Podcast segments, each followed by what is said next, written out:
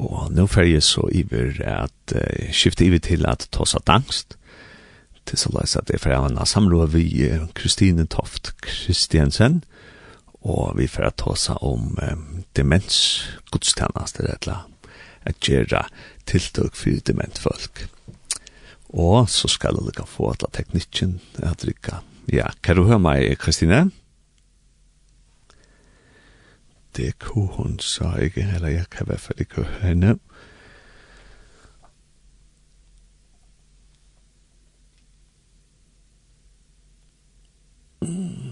Nu skal jeg lige have det hele til at funke her. Uh, ja. Og det skulle være sådan der. Oh, jeg kan ikke høre noget. Ja, så skal jeg måske prøve noget andet her. Hallo. Hej. det er sjovt at man sender på en løg, så skal jeg få eller annet teknikk og så er det gang.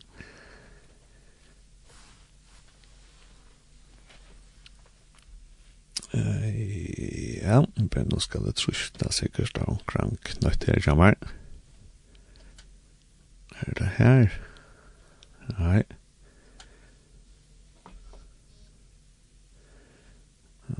Ja. Og Kristine, hun sier at hun hører med, men det blir noe jeg skal ikke, så sett jeg hører i henne. Er det ganske... Her Kan du høre meg nå, Kristine? Jeg kan stadigvæk ikke høre, at hun svarer meg. Så skal jeg lige have fundet ud af...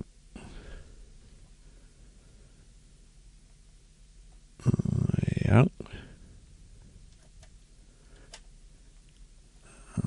Nej, alt er det kjøm. Nå. Men jeg skal som jeg lykke jeg må lykke spille et läsrätt og så får jeg at ordne det tekniske Så medan eh, vi för at ordne det tekniske så spiller jeg lykke et lærer og det var, det var vi Benjamin Rajani och läger som vi för att höra. Det heter Help Me Believe. Thank you.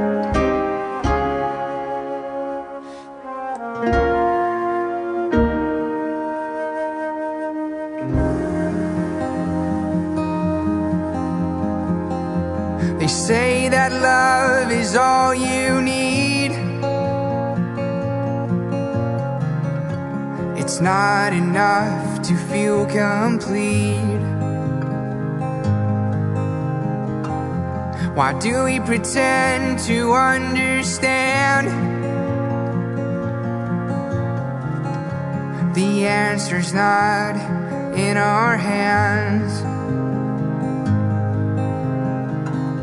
So many things that I don't know.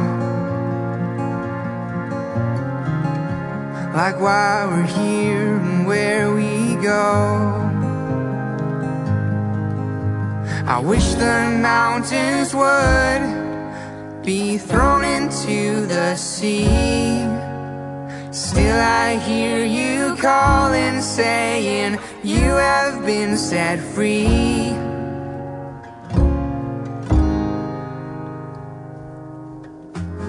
We walk around and think we've found A place to stay, our own home ground. But does it really matter at all If we're all doomed and bound to Sådan der. Nu tror jeg, jeg har, har hul igennem Christine Kroft, Tofte Christensen. Kan du høre mig nu? Det kan jeg. Der var du med. Fantastisk. det er ikke sådan, når man skal sende direkte, og der er forskellige tekniske ting, man lige skal finde ud af. Men ja, nu er vi så her, og øh, vi skal snakke om en bog, som du har udgivet, at være, været med til at udgive, som hedder Kirke med demensramte. Øh, Men ja. først, uh, fortæl mig lidt om dig selv, uh, Christine. Jamen altså, jeg er organist, og jeg er korleder, og det er jeg ude i Bilund, øh, Bilund Kirke. Og øh, derudover så underviser jeg på Kirkemusikskolen i Lykken Kloster. Og øh, så har jeg i mange år været meget optaget af øh, kan man sige, det musikpædagogiske arbejde inden for folkekirken. Øh, og det har været med babysalmesang, det har været med salmesang øh, med demensramte, og det har også været i forhold til øh, at øh, få konfirmander til at synge salmer. Øh, så det er det, jeg har været meget optaget af øh, i mange år.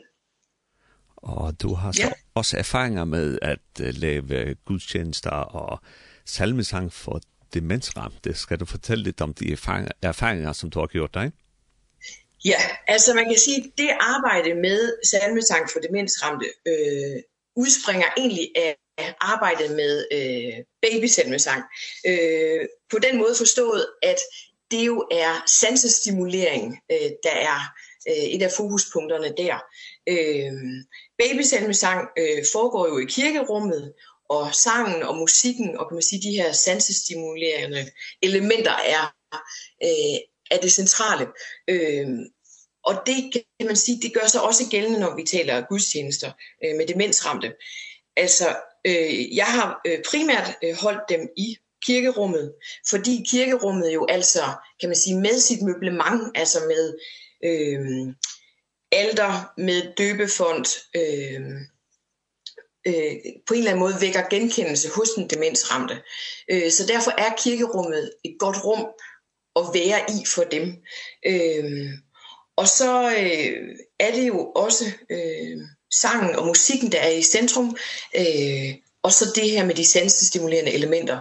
Ehm og derudover er der selvfølgelig også øh, tekstlæsninger, Ehm der er fadervor, der er trosbekendelse, så man har de der øh, elementer, der er genkendelige fra en gudstjeneste også og er dine erfaringer, at de kan huske sådan nogle ting som salmer og fader vor, fader vor og sådan noget? Ja, altså man kan sige, det der jo har været øh, helt fantastisk at opleve for mig, har jo været, at denne her generation, som øh, sidder på plejehjemmene nu, og er ramt af demens, jo er en generation, som har lært salme udenad i skolen. Øh, nogle gange ikke under de sjoveste betingelser, men de har i hvert fald lært øh, salme udenad.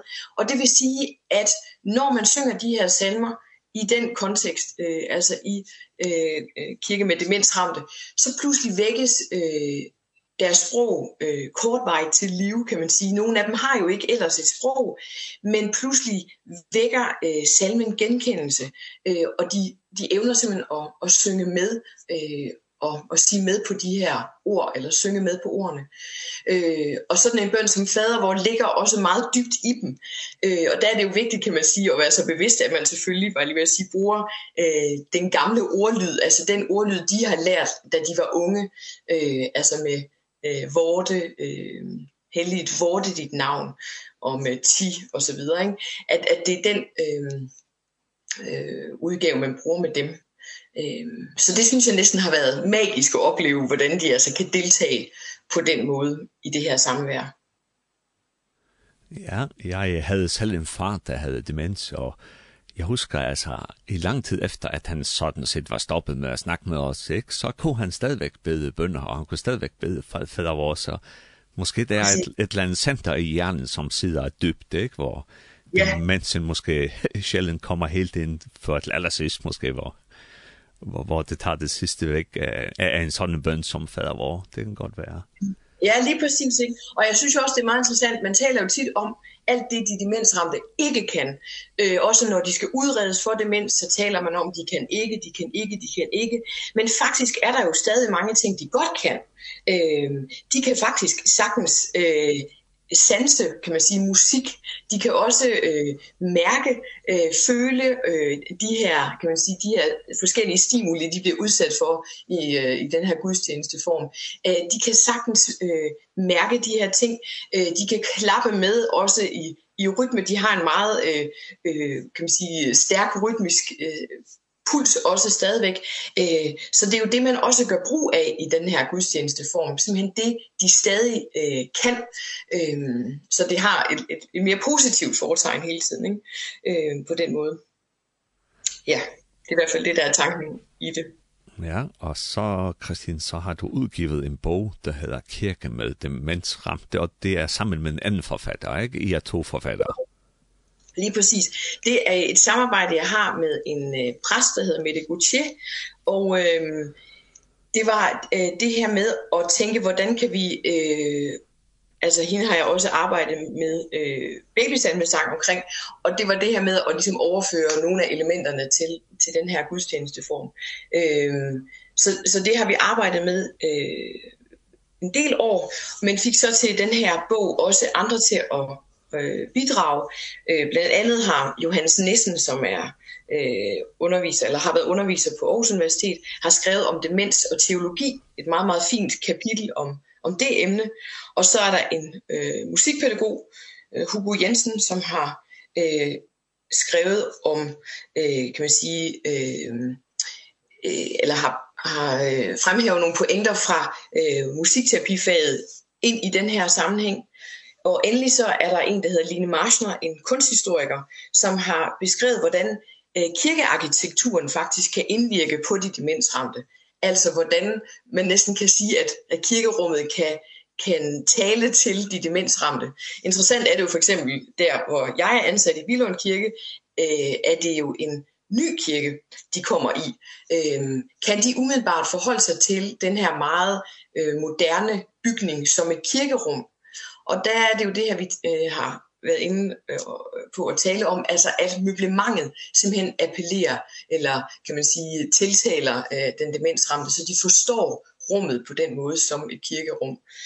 Øh, og så har vi så selv, med og jeg, øh, øh, beskrevet de her overvejelser i forhold til et øh, forløb, altså hvordan bygger man det op, hvordan afholder man det.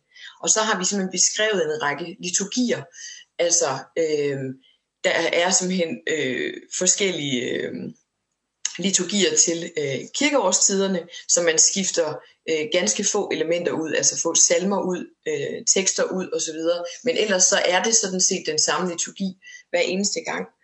Øh, og endelig også nogle praktiske overvejelser. Øh, fordi det er jo ikke sikkert, det kan lade sig gøre at afholde den her øh, gudstjeneste i en kirke. Måske skal det være på plejehjemmet, øh, hvis det skal være på plejehjemmet, så skal man jo øh, også tænke øh, lidt anderledes i forhold til det. Altså kan man få på en eller anden måde etableret en eller anden form for øh, eller et kirkerum, altså kan man øh, få bygget det op øh, med alter og og med et kors og øh, altså man etablerer måske også en kreds de kan sidde i ligesom vi også har, har gjort det i kirken øh, og også sørge for at det er et rum der er fri for andre øh, sanseindtryk, altså sådan at de ikke kan kan kan dufte at nu kommer øh, der for eksempel fra køkkenet øh, en duft af hvad kan det være dansk øh, bøf eller et eller andet, ikke? Altså så de ikke bliver forstyrret af de der andre øh, sanse øh, stimuli. Så så i korthed kan man sige, det, det drejer sig om at gøre rummet simpelt og enkelt, ikke? Så, så der ikke er forstyrrelser i rummet, når ja. man skal holde en, en, gudstjeneste for demensramte. Ja, og som sagt har vi jo også arbejdet med simpelthen at etablere en kreds, at de simpelthen, når de kommer i kirkerummet, at de så sidder nedenfor for øh, alderet i en lille kreds, og det er jo ikke mere end, vi har haft øh, 6 til 8 øh, deltagere, altså demensramte plus eventuelt plejepersonale øh, plus eventuelt pårørende.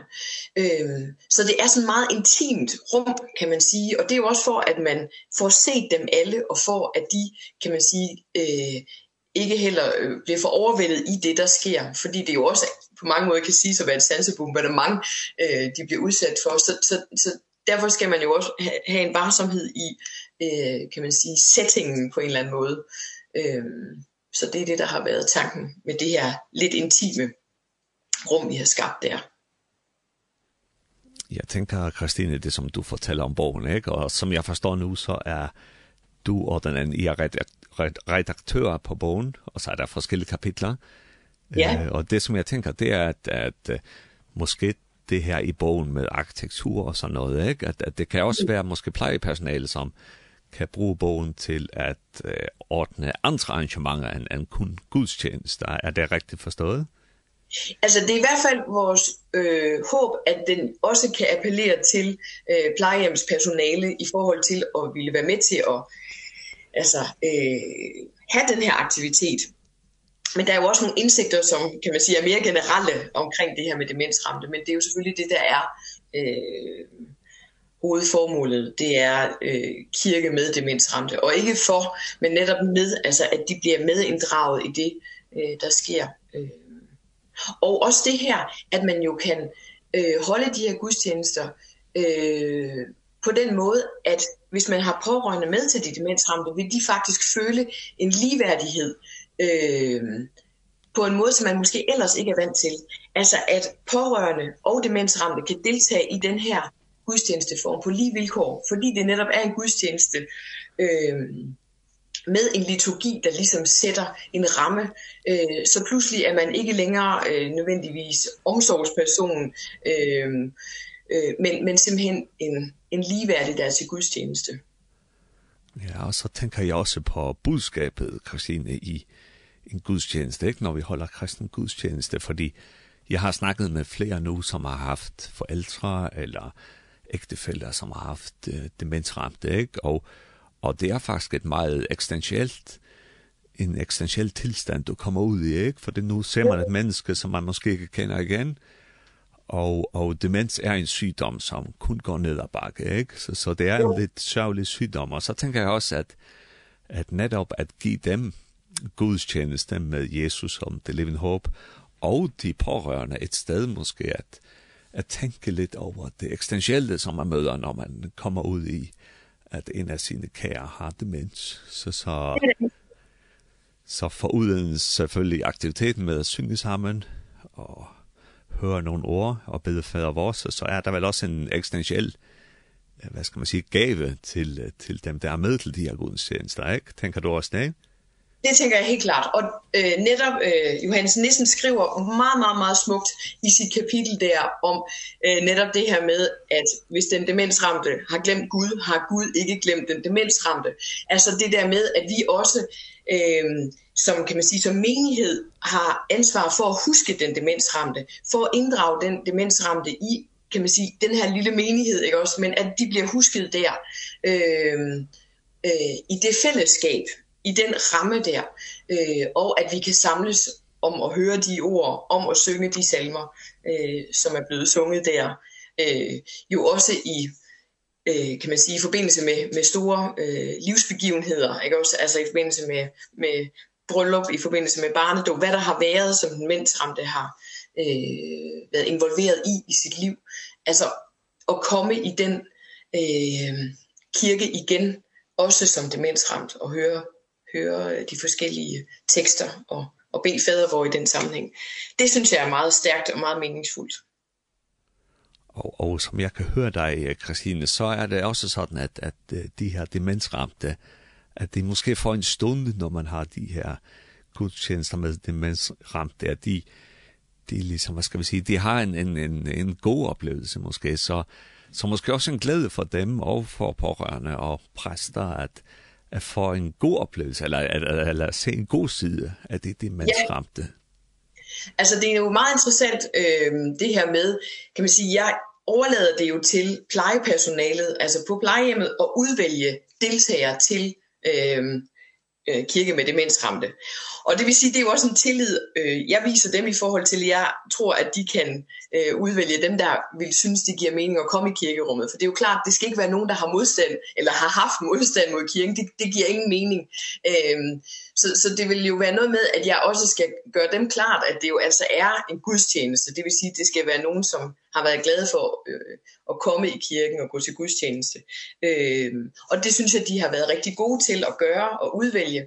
Øh, og så er det netop, at jeg bagefter høre fra øh, plejepersonalet, hvordan øh, deltagerne simpelthen efterfølgende har været meget rolige, at det simpelthen har givet dem en eller anden form for ro at være i kirkerummet, øh, sidde der i den her lille halve time, det var, simpelthen at indoptage det, der sker, øh, kunne synge med på noget, opleve den der genkendelse, at det simpelthen har, har betydet øh, en ro for dem, øh, en glæde.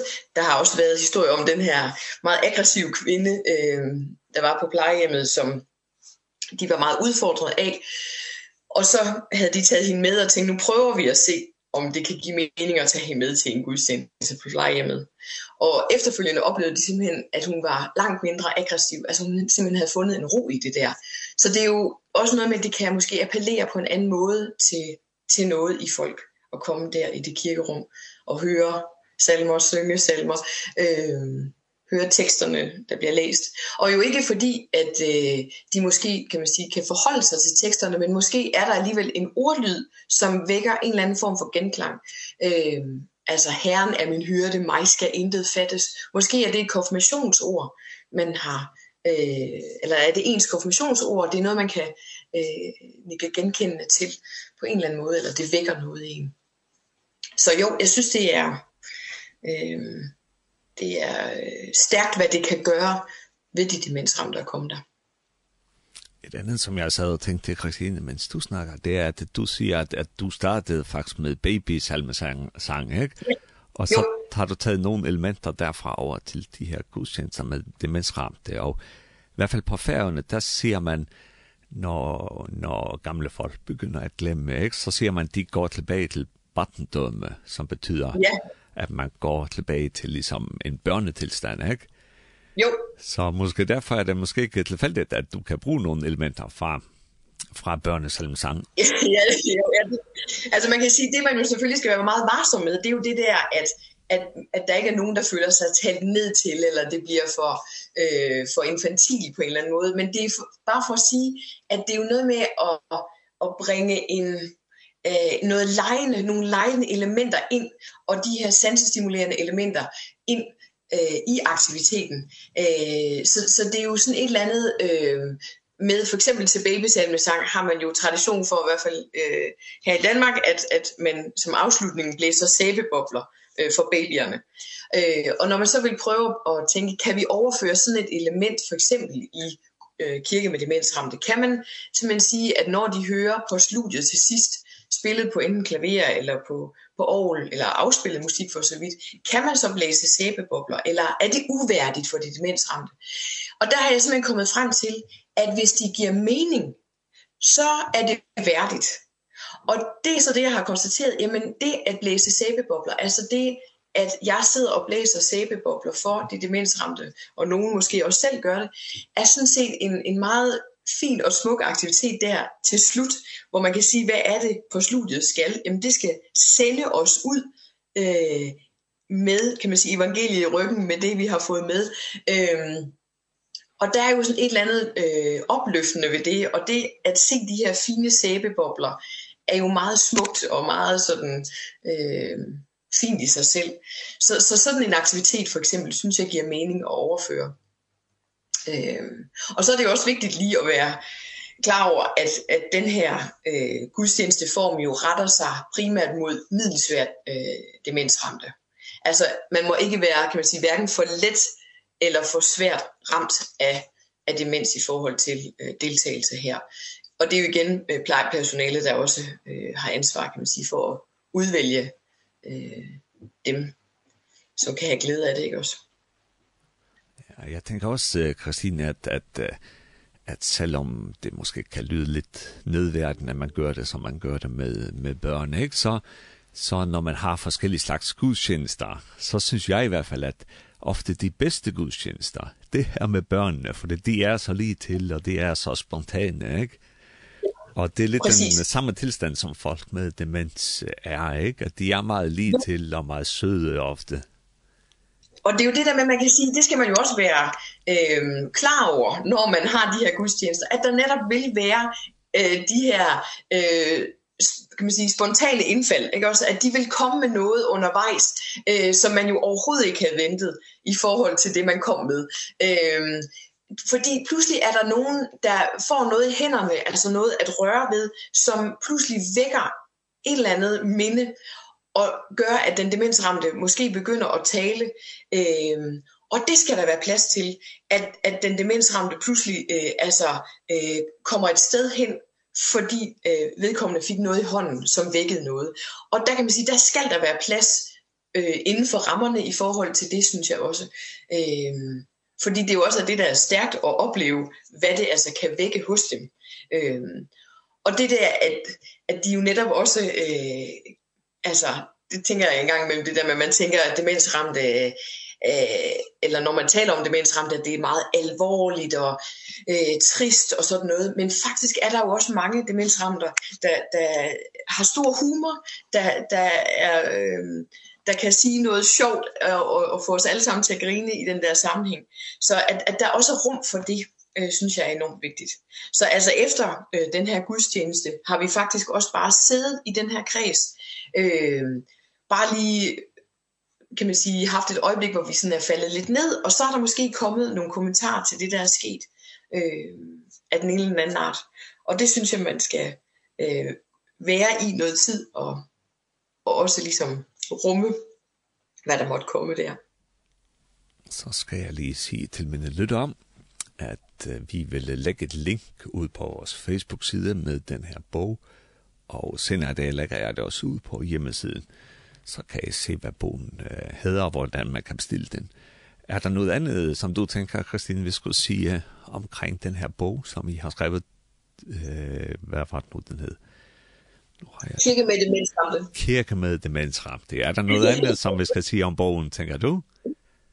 Nej, jeg tror egentlig, at det meste er blevet, øh, er blevet sagt. Øh, I hvert fald lige i den her sammenhæng. Øh, ikke andet end, at det kan være til meget, meget stor glæde at, at beskæftige sig med det. Og det er jo altså også udspringer, kan man sige, af det her med, hvordan man kan tænke eh anderledes gudstjenester netop med den her, her gruppe altså hvor vi i hvert fald i Danmark har haft en tradition for at holde kan man sige sådan en mini udgave af gudstjenesten på plejehjemmet giver det måske ikke i samme grad mening netop med demensramte. Altså en prædiken giver ikke nødvendigvis mening. Altså det, det er simpelthen for komplekst øh, at forholde sig til. Så det er derfor den den her gudstjeneste form altså øh, kan man sige gå mere ind til øh, selve kernen kan man sige. Det det er simpelthen tekstlæsningerne, det er fader hvor det er trosbekendelse, det er salmer. Øh, så øh, det er på den måde kan jeg appellere, ikke? Ja, Kristin, så vil jeg sige dig tusind tak, fordi at du var med her til morgen. Og jeg vil ønske dig alt det bedste og Guds velsignelse med, med de uh, gudstjenester, som du har med demensragte der i. Var det Albertslund? Det er simpelthen i Billund. Billund var det, ja, ja. og tak for det. Super. Og vi tilfærer nu at det er høyre og et lær, og der er at Benjamin Rajani, og leget her etter freedom in his light.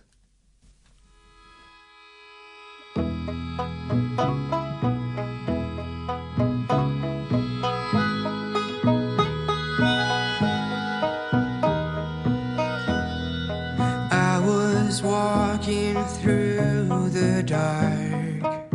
How the cold filled my life. Lost in the tracks of indifference searching for significance